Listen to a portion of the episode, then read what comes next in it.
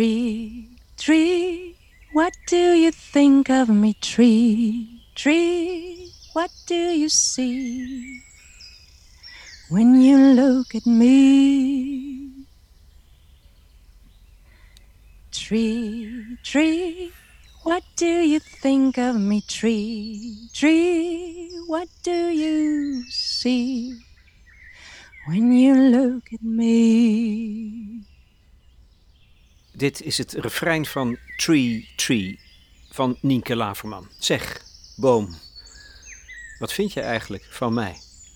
Het is een van de vragen die de zangeres zichzelf de laatste tijd is gaan stellen. Prangende vragen die haar weg vinden in haar werk. Er is een klimaatcrisis, dat is zeker. En die komt met geweld op ons af. Maar hoe verhoud ik mij daartoe als mens? Als zangeres? Het antwoord is een nieuw album, Plant, met elf nieuwe liedjes gemaakt samen met Sietse Bruiksma. Leidraad is het gegeven dat een vrouw transformeert tot plant. En samen met Nienke maak ik, Lex Bolmeijer, een serie over dat proces dat ze doormaakt. In deze eerste aflevering spreken we met Matthijs Schouten, ecoloog en filosoof, een van haar belangrijkste inspiratiebronnen. Ik heb Matthijs voor het eerst horen praten in eh, VPRO Tegenlicht, als ik me niet vergis. En daarin had hij het over ons uh, westerse wereldbeeld. Hoe dat is ontstaan en hoe dat eigenlijk bepaalt hoe wij uh, naar de natuur kijken, naar onszelf kijken. Uh, en dat we eigenlijk überhaupt dat onderscheid hier zo strikt maken tussen de natuur en onszelf. En dat is een thema wat mij eigenlijk mateloos fascineert sinds ik een tijd in Mongolië heb doorgebracht bij nomadenfamilies waar men echt op een totaal andere manier naar die omgeving kijkt en op een totaal andere manier met die omgeving omgaat. Dus um, ja, toen ik Matthijs daar uh, over hoorde praten, over die verschillen en ze uh, met veel kennis ook hoorde verklaren en op, nou ja, hoe hij daar op zijn aanstekelijke manier over uh, sprak, dacht ik, goh, het zou te gek zijn om deze manier een keer te spreken. Zijn belangrijkste boek is Spiegel van de Natuur. Dat is een inspirerend overzicht van wereldbeelden. Hij beschrijft hoe er in al die verschillende culturen, religies en spirituele tradities wordt aangekeken tegen de relatie tussen mens en natuur. We hadden afgesproken in een parkje in zijn woonplaats, maar corona gebiedt hem voorzichtig te zijn, dus spreken we elkaar via internet. Het is de techniek die zorgt voor verbinding. Hij heeft geluisterd naar Tree Tree. En ja, dan zijn we benieuwd naar zijn reactie. Nou, ik vind het fascinerend omdat, het, omdat er een, uh, een, een, een, wereldbeeld achter ligt dat uh, natuurlijk haaks staat op ons westers wereldbeeld. In het Westen vragen wij bomen niks.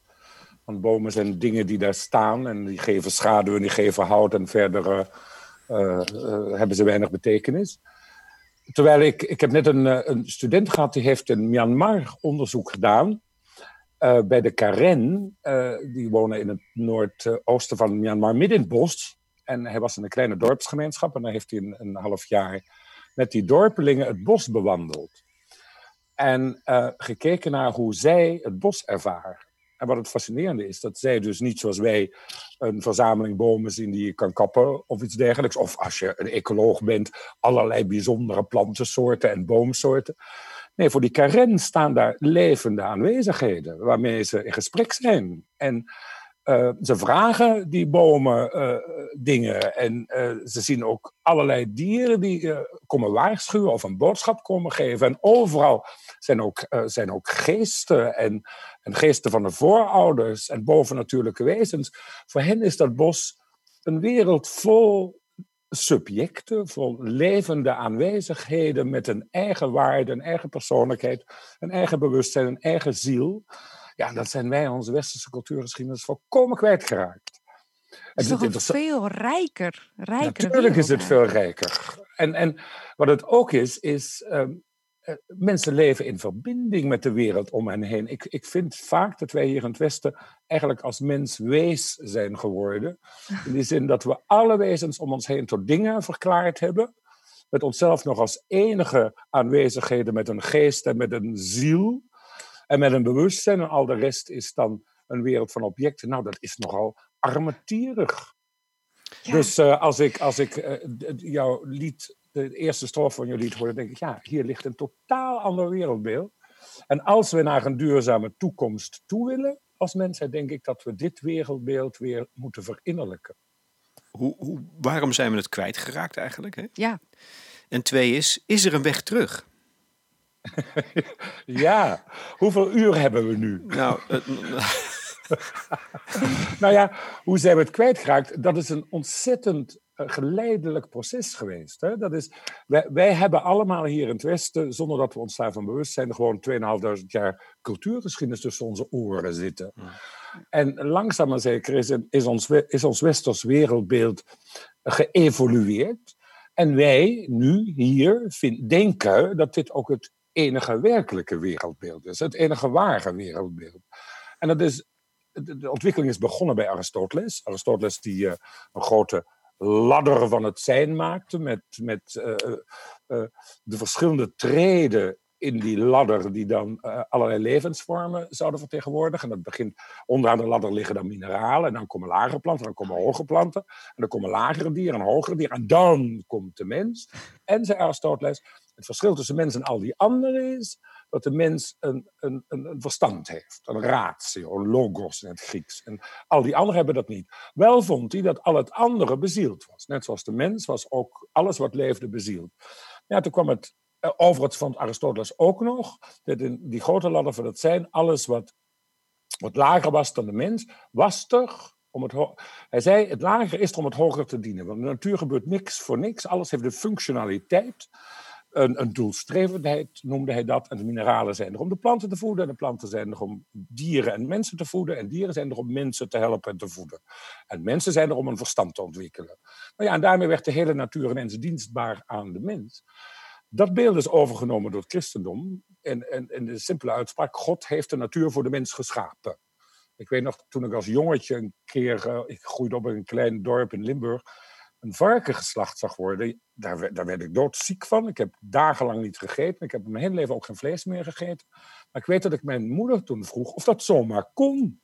Toen zei mijn moeder, die een gelovige uh, katholiek, katholiek was, zei: Ja, jongen, de, God heeft de dieren aan de mens gegeven. Nou ja, daar gaan we dan. Dat is dat beeld. Wat het christendom ook nog deed, het legde erg de nadruk op de, op de eeuwige menselijke ziel. En zo verdween de ziel langzaam uit de natuur. Bij Aristoteles was het verstand eruit gegaan en het christendom ging de ziel eruit. En toen kregen we in de 17e eeuw René Descartes, die uh, zei dat er maar twee substanties zijn. Dat is, materie, dat neemt ruimte in en kan in kleine delen verdeeld worden. Dat is geest, neemt geen ruimte in, kan niet in kleine delen verdeeld worden. En toen stelde hij, ik heb niet kunnen vaststellen dat er enige andere aanwezigheid is dan de mens die geest en materie combineert. Alleen de mens heeft geest en materie, al het andere slechts materie. En als je het idee hebt dat dieren kunnen voelen of dat het emoties hebben, ja, dat is allemaal schijn. Ze worden alleen maar voortbewogen door de wetten van de mechanica. Nou, toen was de natuur ook nog de geest kwijt. Nou ja, wat overbleef is de mens als een bezield wezen met een geest en een verstand. En een verstand standloze, zieloze, geestloze natuur. Nou, daar hebben we dan ongeveer, uh, ongeveer uh, zeven, nou ja, bijna 2000 jaar over gedaan. Maar dat is wel het beeld geworden dat wij langzaam maar zeker zijn gaan aannemen als het werkelijke beeld van de wereld. Nou, er is geen enkele andere cultuur die dat gedaan heeft. Maar is dat dan ook meteen, want je schetst nu een ontwikkeling van 2000 jaar in drie minuten, wat ik al razend knap vind, natuurlijk sowieso. Maar ik, ik zie ook meteen uh, uh, de moeilijkheid bij het antwoord van de tweede vraag, hè, kunnen, is er een weg terug? Dan, dan krijgen wij westerse mensen dus het gevoel dat we die trap van Aristoteles af moeten. Met andere woorden, we moeten naar beneden. We moeten ons verlagen. En ja, dat, ja, ja. Is, zit, is dat iets wat ons dwars zit? Hè, met dat hele dat, dat, dat concept, dat wereldbeeld dat ons zo eigen is, dat je het gevoel hebt. Ja? Nou, dan geef, mag ik dan nog een heel kort college geven? Ja, nee. En dan geloof ik hebben we, het, hebben we de basis gelegd voor het gesprek. Er is, er is een, um, een comparatief filosoof geweest, een vergelijkend filosoof, uh, Ulrich Liebrecht. Hij was, hij was Vlaams, fascinerend denker, die alle filosofieën van de wereld bestudeerd heeft in zijn leven. En toen dacht hij aan het eind, dan ga ik ook maar een boek over de vergelijkende filosofie schrijven. Nou, dat zijn uh, vijf boeken geworden. Maar hij heeft een, een, iets fascinerends gedaan wat ik enorm, enorm, enorm instructief vind. Want het, het, het verklaart voor mij enorm veel. Hij zei, Als je kijkt naar de verschillende filosofische systemen van de wereld, zie je dat er twee belangrijke paradigmata, twee belangrijke manieren van duiden van de wereld naar voren komen. Want, zegt hij, filosofie gaat altijd over het duiden van de wereld, een betekenis geven aan de wereld. Nou, zegt hij, er zijn twee paradigmata die eigenlijk ook in elk mens aanwezig zijn. Maar je vindt ze dus ook in filosofische systemen. En hij zegt, het eerste paradigma is het paradigma waarbij we de wereld onderscheiden in verschillende aanwezigheden op basis van zintuigelijke waarneming. En dan geven we er een naam aan. Nou, dat leer je al heel vroeg. Als je op de, op de arm van je moeder zit, dan zegt je moeder: Dat is papa, dit is mama en dat ben jij. En dan leer je als baby dat papa er anders uitziet, anders klinkt, anders ruikt dan mama. En dan leer je dus verschillende aanwezigheden zintuigelijk onderscheiden en benoemen. Dat is het dat is het paradigma van onderscheiden en benoemen. Tafel, stoel, huis, boom. En zo krijg je een wereld vol benoembare aanwezigheden. Dat is ook, dat is ook nodig, dat moeten we ook, want we moeten weten dat water iets anders is dan vuur bijvoorbeeld. Maar, zegt Liebrecht, dan kan je natuurlijk de filosofische vraag stellen: hoe hangen die dingen dan samen? Nou, en als je datzelfde paradigma gebruikt voor zintuigelijke waarneming en benoeming, dan kom je in de wereld van correlaties, hè, dingen die samenhangen, causaliteit, als dit gebeurt, gebeurt dat. En hiërarchieën, dan ga je onmiddellijk ordenen. Naar lager en hoger. Hè? Nou, zegt Liebrecht, dan kan je nog één stap verder gaan filosofisch. Wat is dan het wezen, het diepste wezen van al die aanwezigheden en verbindingen? Dan kom je uit in dat paradigma, zegt hij, bij E is mc kwadraat. De formule die materie en energie met elkaar verbindt van Einstein, heb je alles verklaard. Nou, dat is één manier van de wereld duiden. Maar, zegt hij, er is een andere. En eh, als ik dit aan mijn studenten uitleg, vraag ik altijd aan de studenten: wie van jullie is nu verliefd op dit moment in het leven? Steek een aantal mensen de hand op. En dan zeg ik: Nou, dan beschrijf mij jouw geliefde. Als je dat in het eerste paradigma doet, dan zeg je: Nou ja, mijn geliefde is van het mannelijke of vrouwelijke geslacht. 1,72 meter, 65 kilo, hartslag en rusten 62, bloeddruk 110 over 90. En hij of zij heet zus of zo. Dan zeg ik tegen zo'n student, nou als je dat zo dus zou doen, dan is je liefde eigenlijk al voorbij. Want als je echt verliefd bent, dan zeg je waarschijnlijk zoiets uh, als uh, wanneer, uh, wanneer mijn geliefde glimlacht, gaat de zon op. Nou ja, dit is natuurlijk het eerste paradigma volkomen onzin, want er is geen correlatie of causaliteit tussen zonsopgang en jouw geliefde glimlach. Maar iedereen snapt wat je bedoelt. Hè? Want wat je hier doet op een andere wijze, beschrijf je dan de werkelijkheid? Je beschrijft de werkelijkheid van relaties, wederkerigheden, betrekkingen, mm. emoties. Hè? En daar kan je die taal van het eerste paradigma ook niet meer gebruiken. Dan ga je onmiddellijk naar de poëzie, naar de muziek, naar het lied, naar de mythe, naar de metafoor. Hè? En dan, als je in dat paradigma, zegt Liebrecht, gaat vragen naar de verbinding van alles en, en, en, en de, de, dus de, de, de, de, de samenhang, de ervaren samenhang, want hier gaat het namelijk niet over zintuigelijke waarneming en, en, en, en ratio, hier gaat het over ervaren van in de wereld zijn, via al je zintuigen en je emoties en je intuïtie, dan zegt Liebert, kom je uiteindelijk terecht in de mystiek. En dat vind je in alle culturele tradities. Dat is het moment waar je zo geraakt wordt door het wonder van het zijn, dat je er geen woorden meer voor kunt vinden. Dat is dan daar de diepste werkelijkheid. Nou, als je naar die twee paradigma daar kijkt, die zijn natuurlijk in elk mens aanwezig. Hè?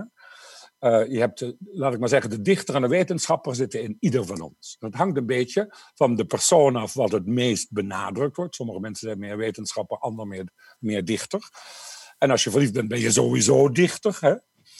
Maar, zegt Liebrecht, het verschil is ook tussen culturen. En wat de westerse cultuur gedaan heeft in die lange cultuurgeschiedenis, wij zijn dat eerste paradigma enorm gaan benadrukken. Wij vinden dat het paradigma van de werkelijkheid. Zo kan je de werkelijkheid echt beschrijven, zo kan je zaken doen, zo, zo moet je met de wereld omgaan.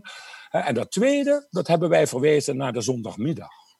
Als je naar, naar een concert gaat of naar de kerk gaat, dat doe je dan maar daar. Maar dat is niet waarmee je zaken doet. Dat is niet de werkelijkheid zoals die echt is. En precies dat heeft ons, denk ik, in grote moeilijkheden gebracht. Omdat we ons losgezongen hebben van de werkelijkheid om ons heen. In dat paradigma, wij zijn onszelf uh, hoog in hiërarchie gaan zien. Wij zijn ons uh, gaan zien als anders dan al het andere. We zijn de verbindingen kwijtgeraakt. We kijken er alleen nog maar verstandelijk naar. Niet-westerse culturen, met name de Aziatische culturen, vinden dat tweede paradigma het paradigma van de werkelijkheid. Dat is zoals het echt is. Dat eerste is wel handig, maar de echte werkelijkheid zit in dat tweede. Vandaar dat die culturen ook allemaal uh, systeem ontwikkeld hebben voor meditatie en voor innerlijking enzovoort. En voortdurend zoeken naar die ervaren verbinding, want dat is de diepste werkelijkheid.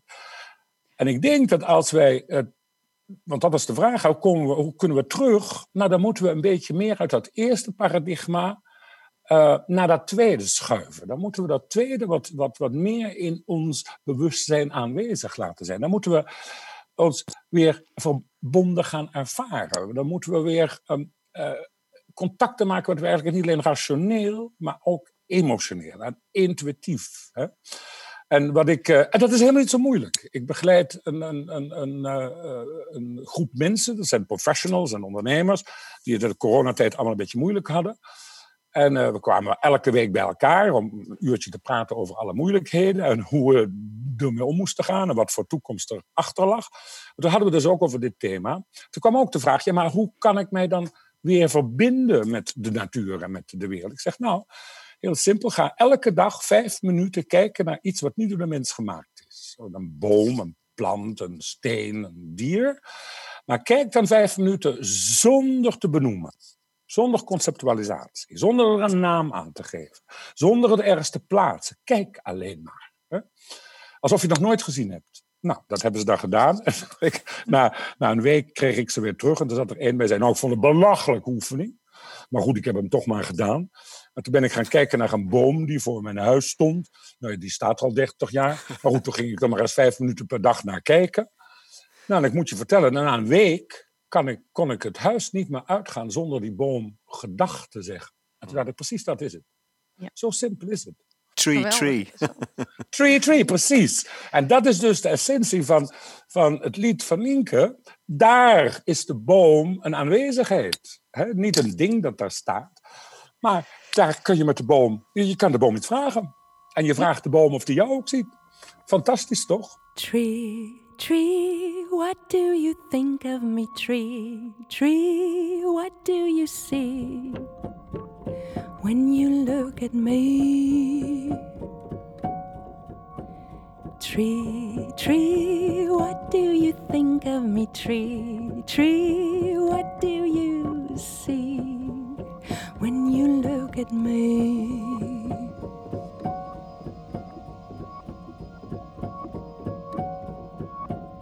Do I amuse you? Do I confuse you? Running around and around like I'm used to. Fast forward movie played at your feet at repeat, at repeat, at repeat. Ook het eerste moment wat je haalt de Aziatische culturen aan. Uh, waarop ik uh, door dit gegeven heel erg geraakt werd, was dat ik uh, in 2007 voor het eerst een tijd in Mongolië was. Mm -hmm. En bij een, een, maand lang eigenlijk bij een nomadenfamilie heb geleefd op de steppen. En daar dus ook dat uh, ervaren. Dat zij zo, uh, zij ook op die manier kijken naar alles om hen heen. Alles heeft een eigen energie, een geest of ziel, hoe je het ook maar noemt. Mhm. En alles is in verbinding. En dus het een is ook, kan eigenlijk niet meer zijn dan het andere. want het is allemaal eh, eh, verbonden. Dus een, in die zin dat uh, een, een, mens niet meer is dan een steen. In mhm. principe. En ik kwam net uh, een tijdje terug ook weer in een boek over Mongolië. Een hele mooie quote tegen van een, een Mongoliër die uh, een toerist een, een, uh, een steen uh, ziet oprapen. Of die wil een, een steen gaan pakken omdat hij die mooi vindt.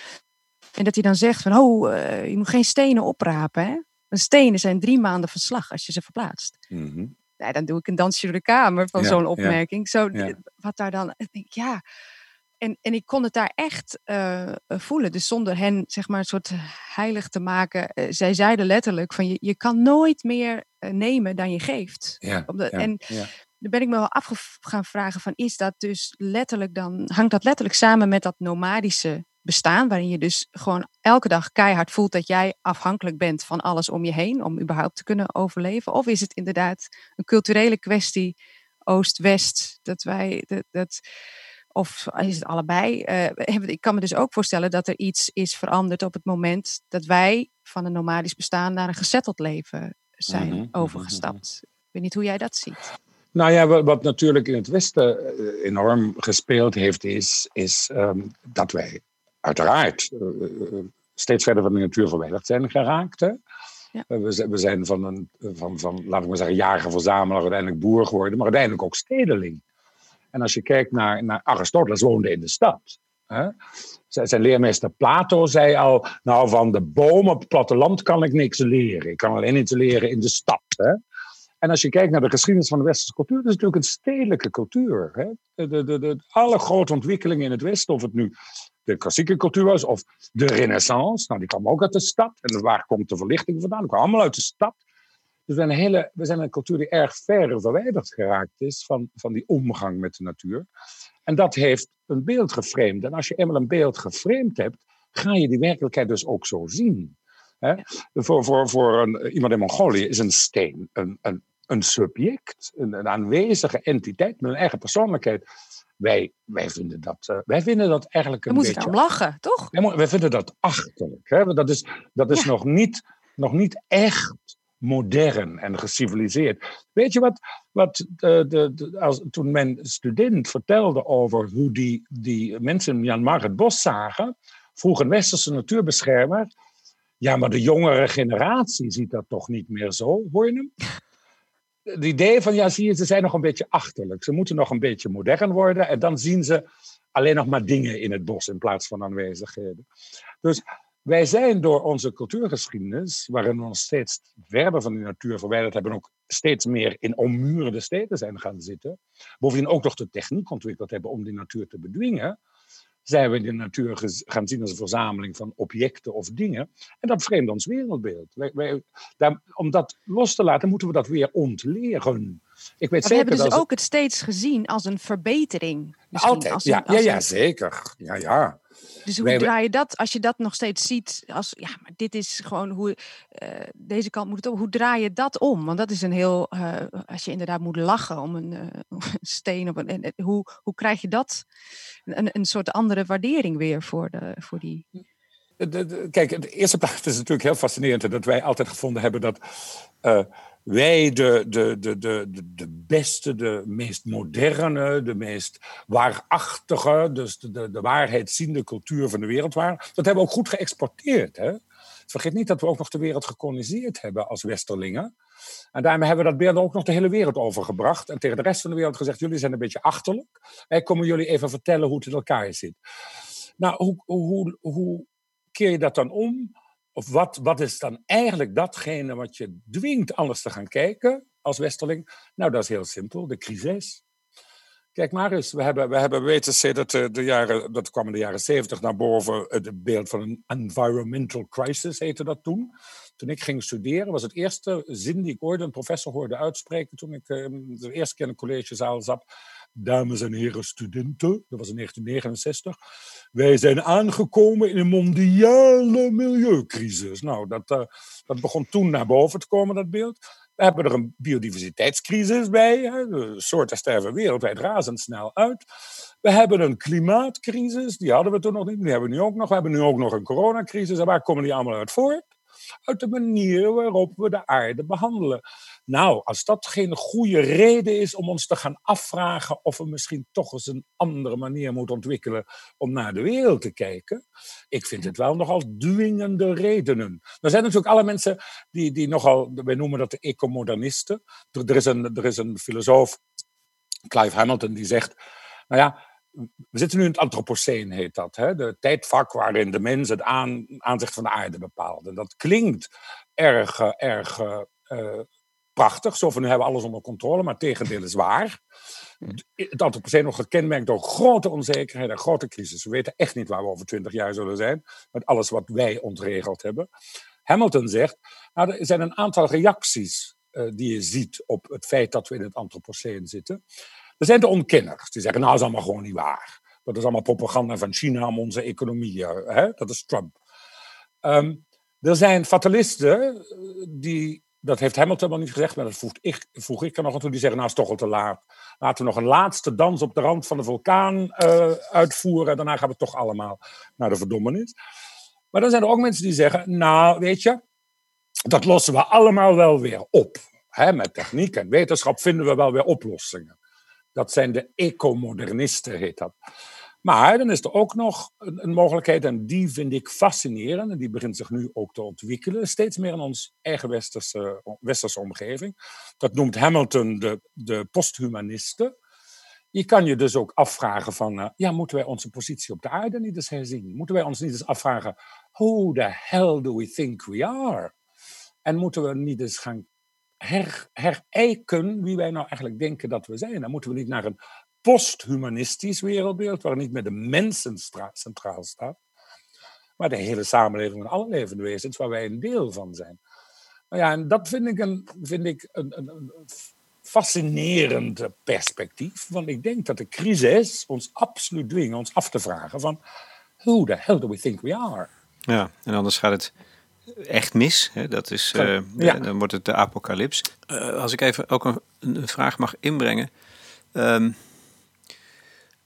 uit jouw boek Spiegel van de Natuur kun je opmaken dat, nou ja, sowieso dat ons wereldbeeld niet het enige is. Dat is al een soort bevrijding. Sterker nog, er ligt een schat aan ja. verbeelding uh, buiten ons. Ja. Waar, je, uh, waar wij een beroep op kunnen gaan doen hè, als we zoeken naar die herijking van onze positie. Of, ja. of, of, werkt het niet zo? Kijk, je hebt het allemaal bestudeerd. En ik vroeg me dus ook af, is, is er voor jou één van die verbeeldingen, die wereldbeelden, die verhalen waar jij door geraakt bent geweest en hebt gedacht: oh, wacht, kijk, daar, daar, vind, ik mijn, daar vind ik mijn verhaal. Nou ja, er zijn, er zijn, voor mij was het, was het, was het, was het um, begon het met dat varken. dat daar geslacht werd, waar ik ontzet van was. Ja, maar dat is een negatief en, verhaal, negatieve ervaring. Ja, ja maar ik ben nog, ben nog niet helemaal klaar, Lex.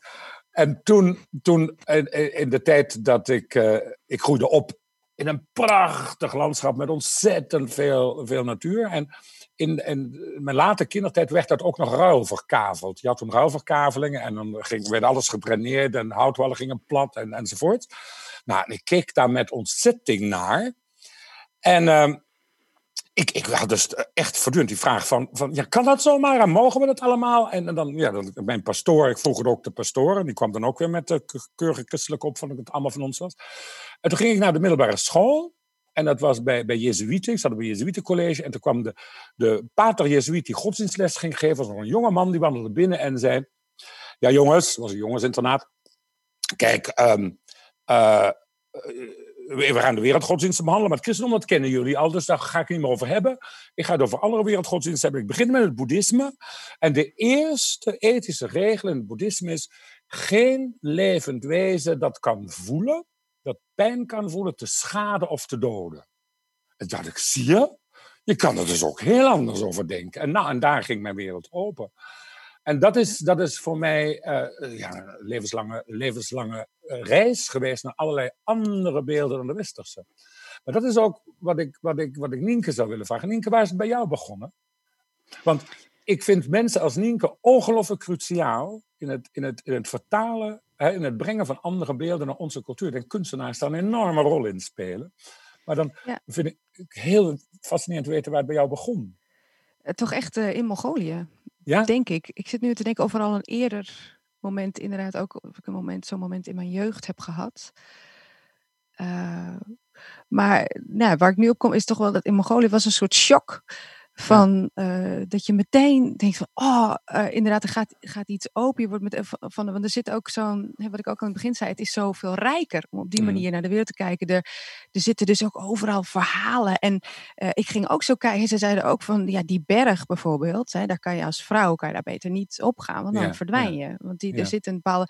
Jeetje, geweldig. Om, dus ik heb zelf daar ook meteen ben ik een nummer gaan bedenken. er was een, een namelijk een, een grappig uh, iets gebeurde daar elke avond. We sliepen natuurlijk in zo'n gur, zo'n zo'n uh, ja. tent, zo'n joert met z'n allen. En dan gingen de kaarsjes uit en dan hoorde je een soort regen, zo eh, van ja, soort op het zeil, wat, op grondzeil wat daar lag. En ik ging met mijn zaklamp schijnen. En wat, wat is dit? En het bleken allemaal torretjes te zijn. Die dan elke keer, elke avond op dat moment uh, door dat uh, luchtgat op dat zeil vielen. Dus ik vroeg ook van hoe, een soort wetenschappelijke verklaring wil je dan van, van hoe, waarom gebeurt dat? En geen idee, dat was helemaal niet. Dacht ik, weet je, ik ga gewoon mijn eigen sprookje hierbij verzinnen. Eh, op, op, dezelfde manier zoals zij naar de dingen kijken. Dus ik heb een sprookje verzonnen over de toek-toek-torren, die dus overdag boven in die tent zitten en alle gedachten verzamelen en ze omzetten in een soort droompakketjes. En die als een soort parachutisten eh, s'avonds naar beneden laten storten. En dan brengen ze zo op die manier de dromen bij de mensen of bij de kinderen. En dus als overdag jouw gedachten goed waren, krijg je mooie dromen terug. En andersom. En dat, dat vervult dan zo op zo'n manier te kijken naar de dingen. En uh, tegelijkertijd die shock dat je denkt, jemig, wat zijn wij daar enorm ver vanaf geraakt. Ja, eh, Hoe, hoe uh, dus daar is het wel echt begonnen dat ik denk, ja, voor mij is, is dat nu vervolgens, dit is het thema in mijn hmm. werk. Uh, maar de, maar... En natuurlijk ook omdat de, de situatie hier, het, het, wordt steeds onhoudbaarder, zeg maar, ja, met onze ja. manier van kijken. Maar dat betekent toch, uh, Matthijs, dat als, als dit is wat we nodig hebben, dan gaat het toch over een nieuwe verbeelding? Jazeker. Ja, het, vraagt Lex absoluut een andere, een andere verbeelding, een andere manier van kijken, een andere manier van, van in de wereld zijn. Want dat is het eigenlijk. Hè? Het gaat over hoe ben je in de wereld. Ben je afstandelijk, verstandelijk in de wereld of ben je uh, verbonden in de wereld? Natuurlijk, je kan andere culturen gaan bestuderen. Ja, Nienke heeft dan het geluk gehad dat ze in, in Mongolië kon zijn. Ik heb het geluk gehad dat ik door Azië gereisd heb enzovoort. En daar ontzettend veel heb mogen ervaren. Maar heel veel mensen hebben die mogelijkheden niet. Hoe breng je nou bij mensen die dus opgevoed zijn in ons wereldbeeld, dat als vanzelfsprekend vinden, hoe breng je daar, hoe zet je de ramen open naar andere dimensies, naar andere beelden, naar andere verbeeldingen. En dan denk ik dat daar dus, en, en die rol vind ik cruciaal, kunstenaars uh, rol moeten spelen. Wetenschappers, dat is één verhaal. Dus, de, er is ooit, ooit, ooit iemand geweest die zei, ik geloof Prins Philip van Engeland was, die zei, nou als grafieken en statistieken de natuur hadden kunnen redden, hadden ze dat al lang gedaan. en wij komen altijd weer met statistieken en grafieken. Nee, uiteindelijk gaat het om herverbinding, nieuwe beelden van de werkelijkheid. Je leven verrijken. Want dat is eigenlijk wat er ook gebeurt. Je wordt er zo ongelooflijk verrijken van. En ik denk dat dat moet gebeuren door de kunstenaar. Ja.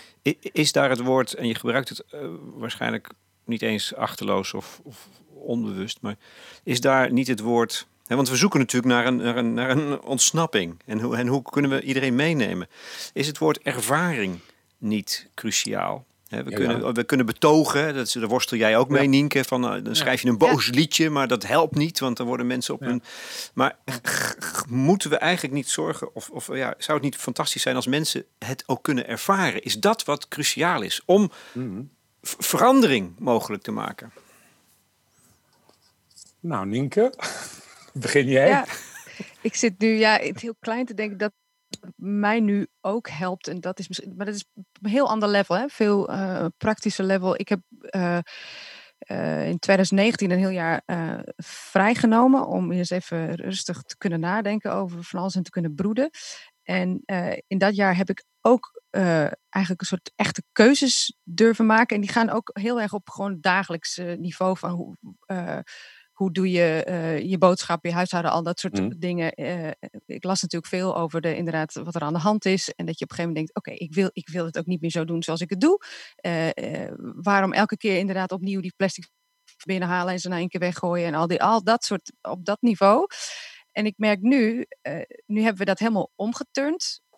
dus ik wij kopen alles zeg maar uh, zonder verpakkingen, heel soort nieuwe mhm. routines uh, aangelegd. En dat je dus weer veel meer echt contact met je eten hebt. En mhm. dat helpt mij mhm. ook al. doordat je koopt niks meer kant en klaar. Het is niet van pak je open in de pan en geen idee. Je moet alles moet je door je handen hebben, wassen, snijden, bedenken hoe je iets bewaart.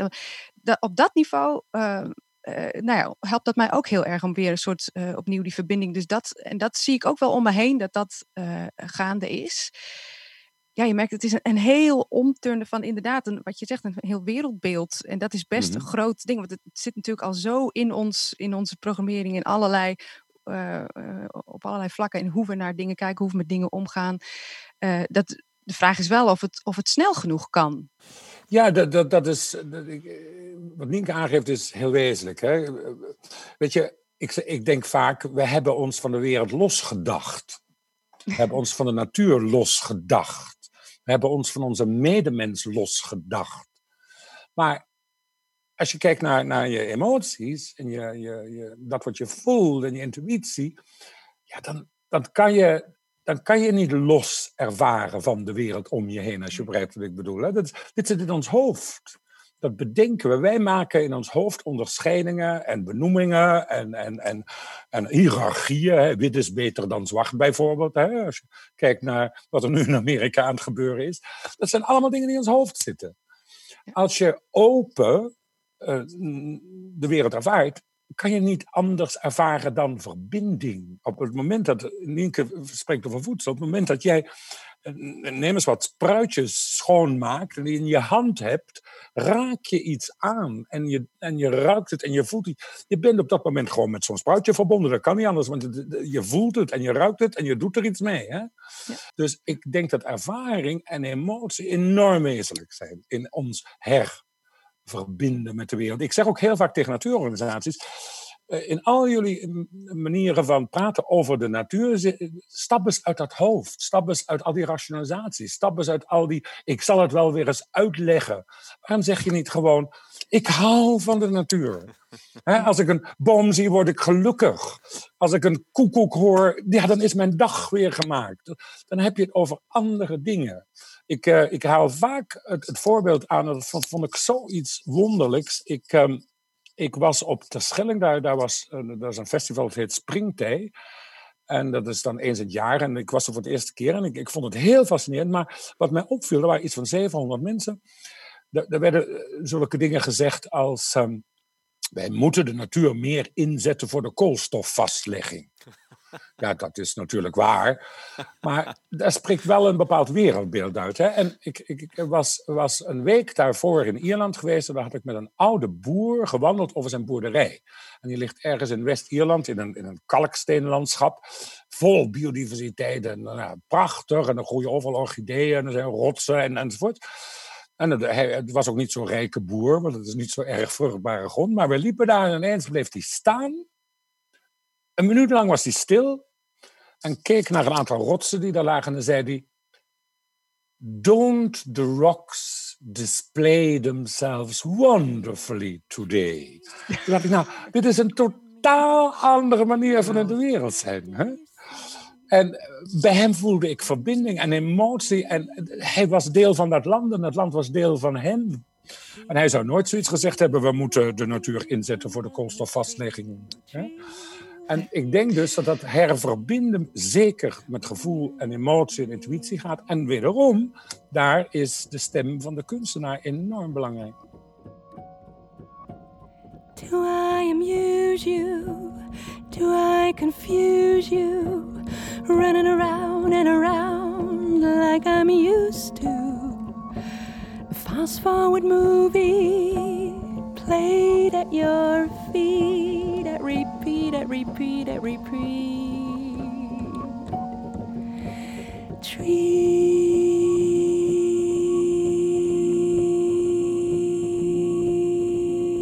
there is poetry in every breath, in every bow,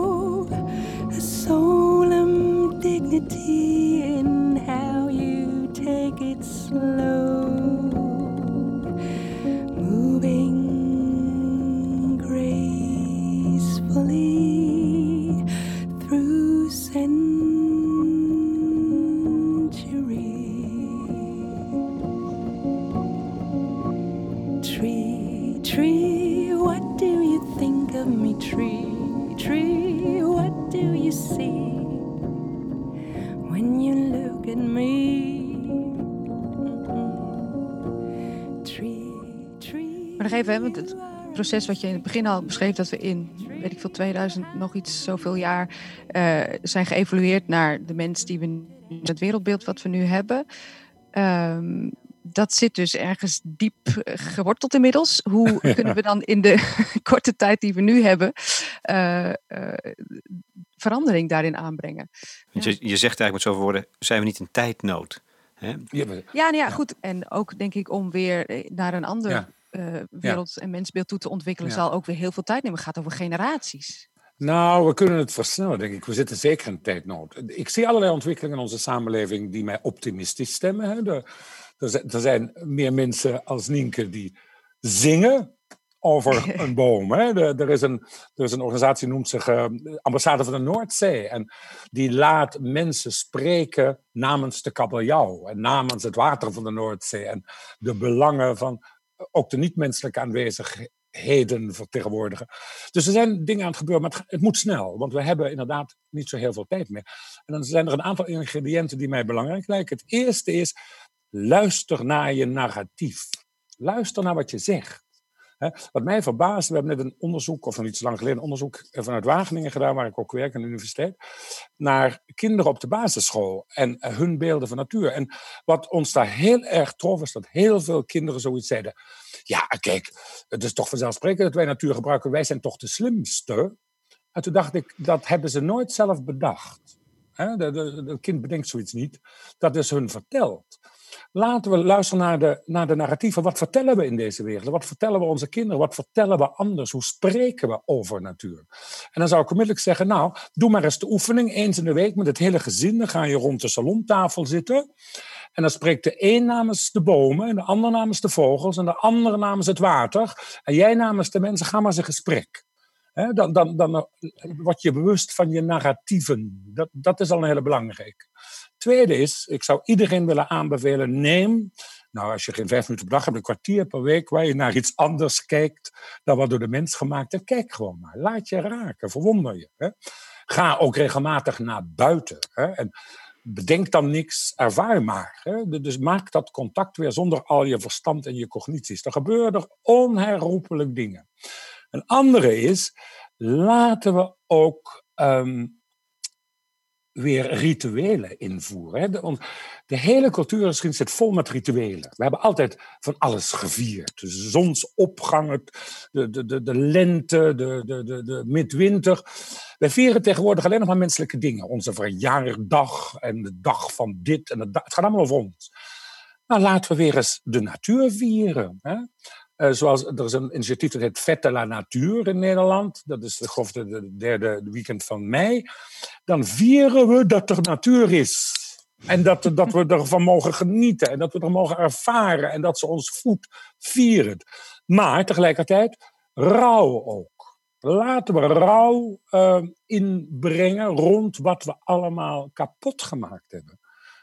Ik, ik, moest een lezing geven uh, in, in, in, in, in Pakhuis de Zwijger uh, al een tijd geleden. En daar was ik in gesprek met een begrafenisondernemer die sprak over rituelen. Zei nou, we rouwen om gestorven mensen, maar we rouwen nooit om uitgestorven dieren of uitgestorven planten. Nee. Ik zou nu graag uh, vijf minuten stilte willen. Hè? En daarbij gedenken we en rouwen we over alles wat we hebben doen uitsterven. Nou, iedereen stond op. Nou, dit, dit ging door merg en been. Ja, jeetje. En je voelde na die vijf minuten was er wat gebeurd. Dus laten we rituelen rond die natuur brengen. Vieren, maar ook rouwen. En een laatste nog, die ik erg belangrijk vind. Laten we plekken aanwijzen die, in, ook in ons landje, die we gewoon in de natuur teruggeven. Daar komen wij niet meer. In de zin van, uh, wij, wij, hebben alles gekoloniseerd. En, en, en wij vinden het alles van ons is. Nou, het is ooit gebeurd. Hè? we hebben in Drenthe een project gehad, en ook in Groningen geloof ik, maar vooral in Drenthe, dat heette de Nieuwe Wildernis. En daar hebben particuliere landeigenaren en ook zelfs bosbeheer kleine stukken aangewezen. Uh, stukken grond, bos, die werden teruggegeven aan de natuur. En prinses Irene heeft ze formeel afgesloten, daar hoorden wij niet meer te komen. Nou, ecologen waren heel blij dat we zeiden, nee, jullie mogen er ook niet meer in.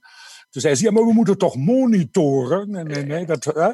En kwamen zelfs kamervragen. Er waren politieke partijen die werden er heel boos over. Want hoe kon de natuur nou ingevoerd worden in het kadaster als eigenaar van zichzelf? Was de vraag.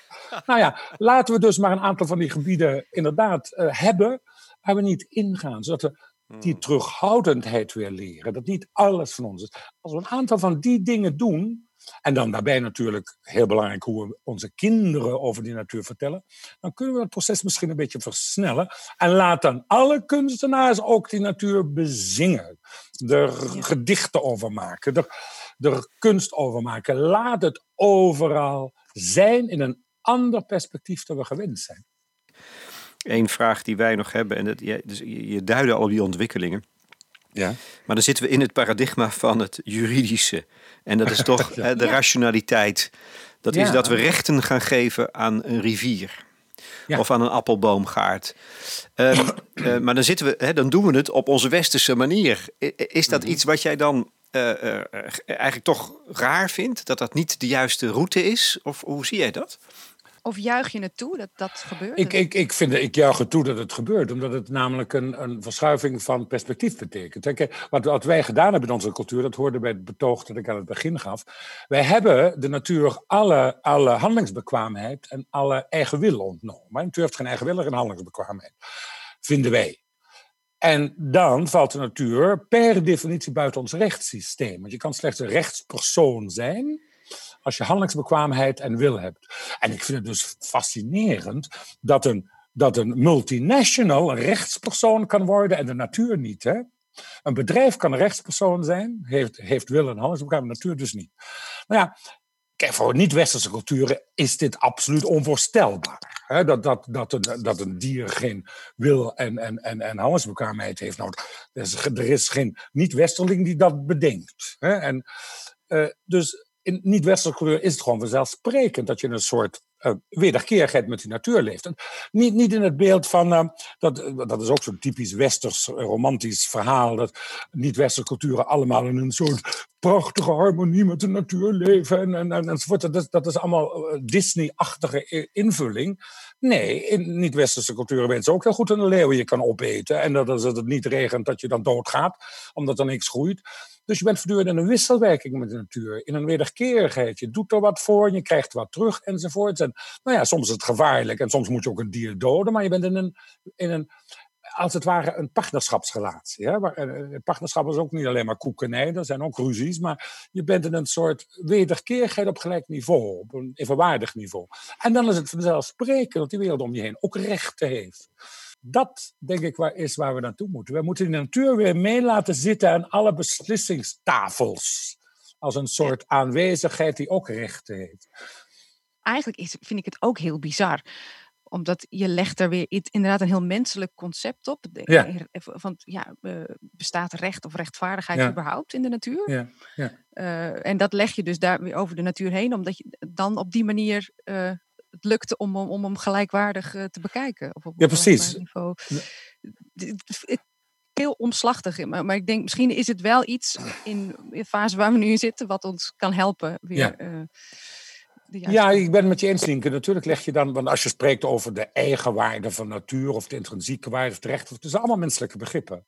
Ja. Ik zou het dan simpel oplossen. Laat aan eng, elke, elke, elke, elke gemeente waar je wethouders hebt, laat er één stoel leeg, die is voor de natuur. Elke tafel van CEO's of van aandeelhouders, één stoel leeg, die is van de natuur. Iedereen zich van bewust is dat er nog een speler is, die daar niks kan zeggen maar die wel belangen heeft. Hè?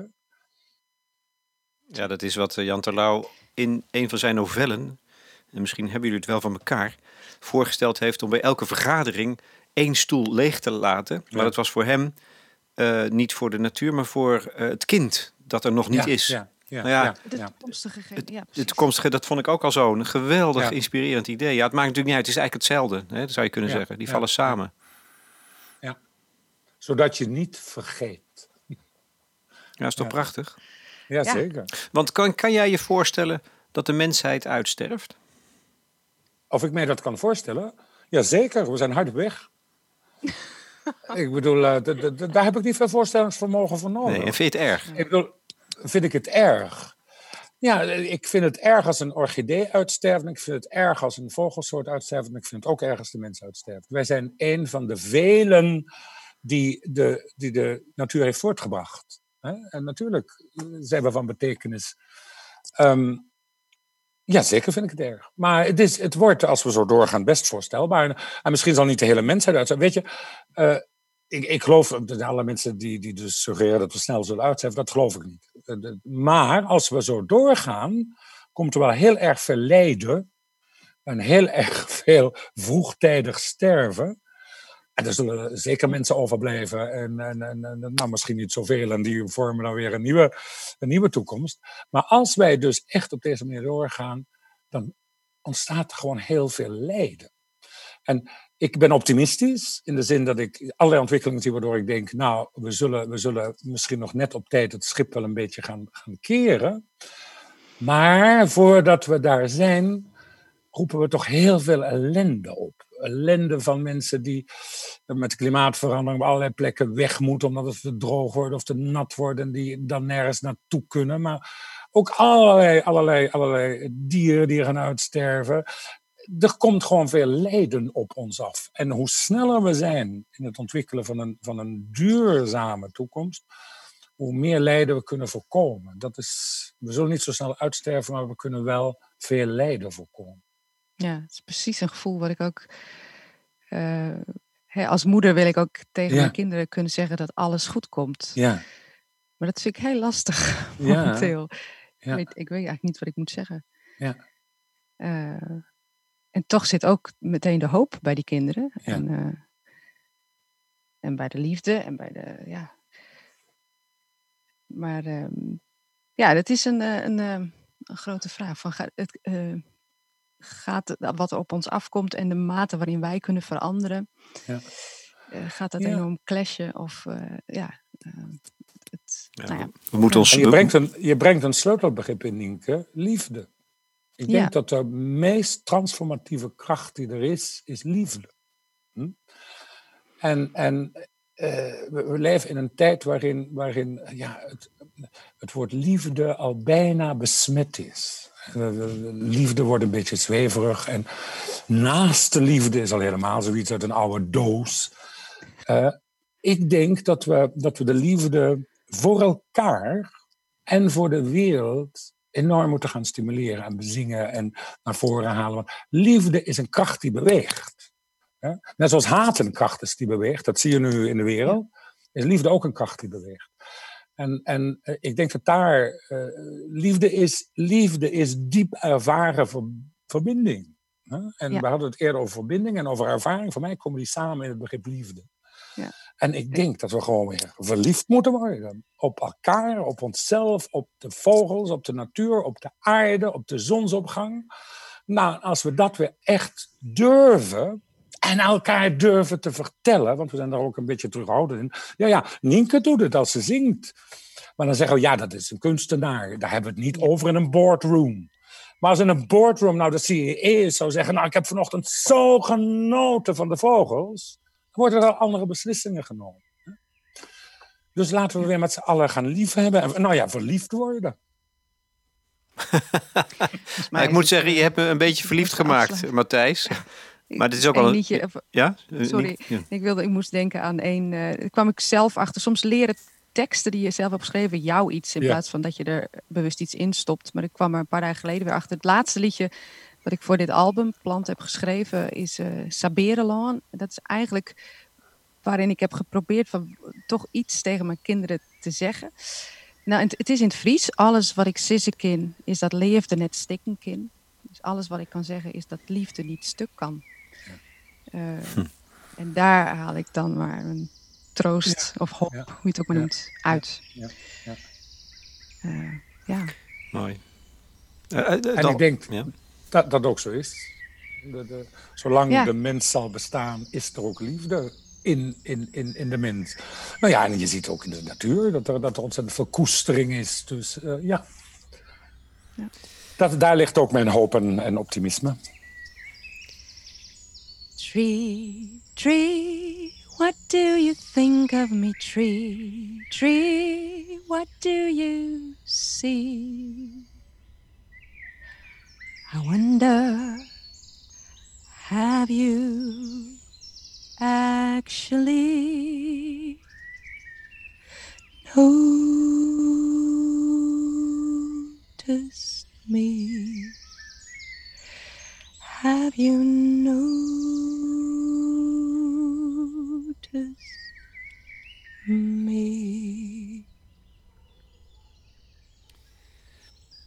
Matthijs Schouten was in gesprek met Nienke Laverman en Lex Bolmeijer.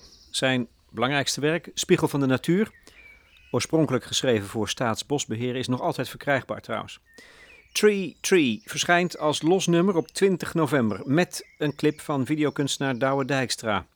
Het is het tweede lied van het nieuwe album Plant, nadat al eerder Your Ancestor was verschenen, allemaal gemaakt samen met Sietse Pruiksma. Ze kiezen vanwege corona voor een slow album release. Alle nummers krijgen verspreid over een jaar een eigen release, begeleid door een podcast waarin Nienke samen met mij een van haar inspiratiebronnen interviewt. Noem het een groeiproces van een jaar. In september 2021 verschijnt dan het hele album als CD en aansluitend gaat op 15 oktober de voorstelling Plant in première in De Lamar in Amsterdam.